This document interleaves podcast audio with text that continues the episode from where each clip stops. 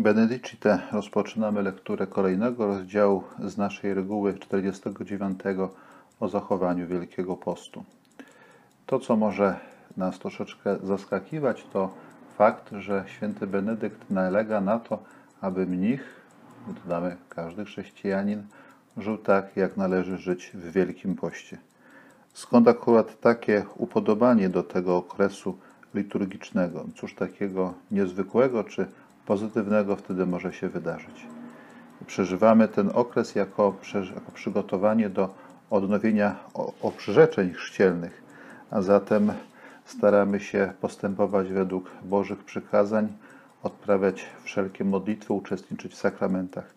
Dla świętego Benedykta jest to postawa ze wszechmiar godna polecenia i dlatego właśnie pragnie, aby w każdym czasie żyć tak, jak żyjemy w Wielkim Poście.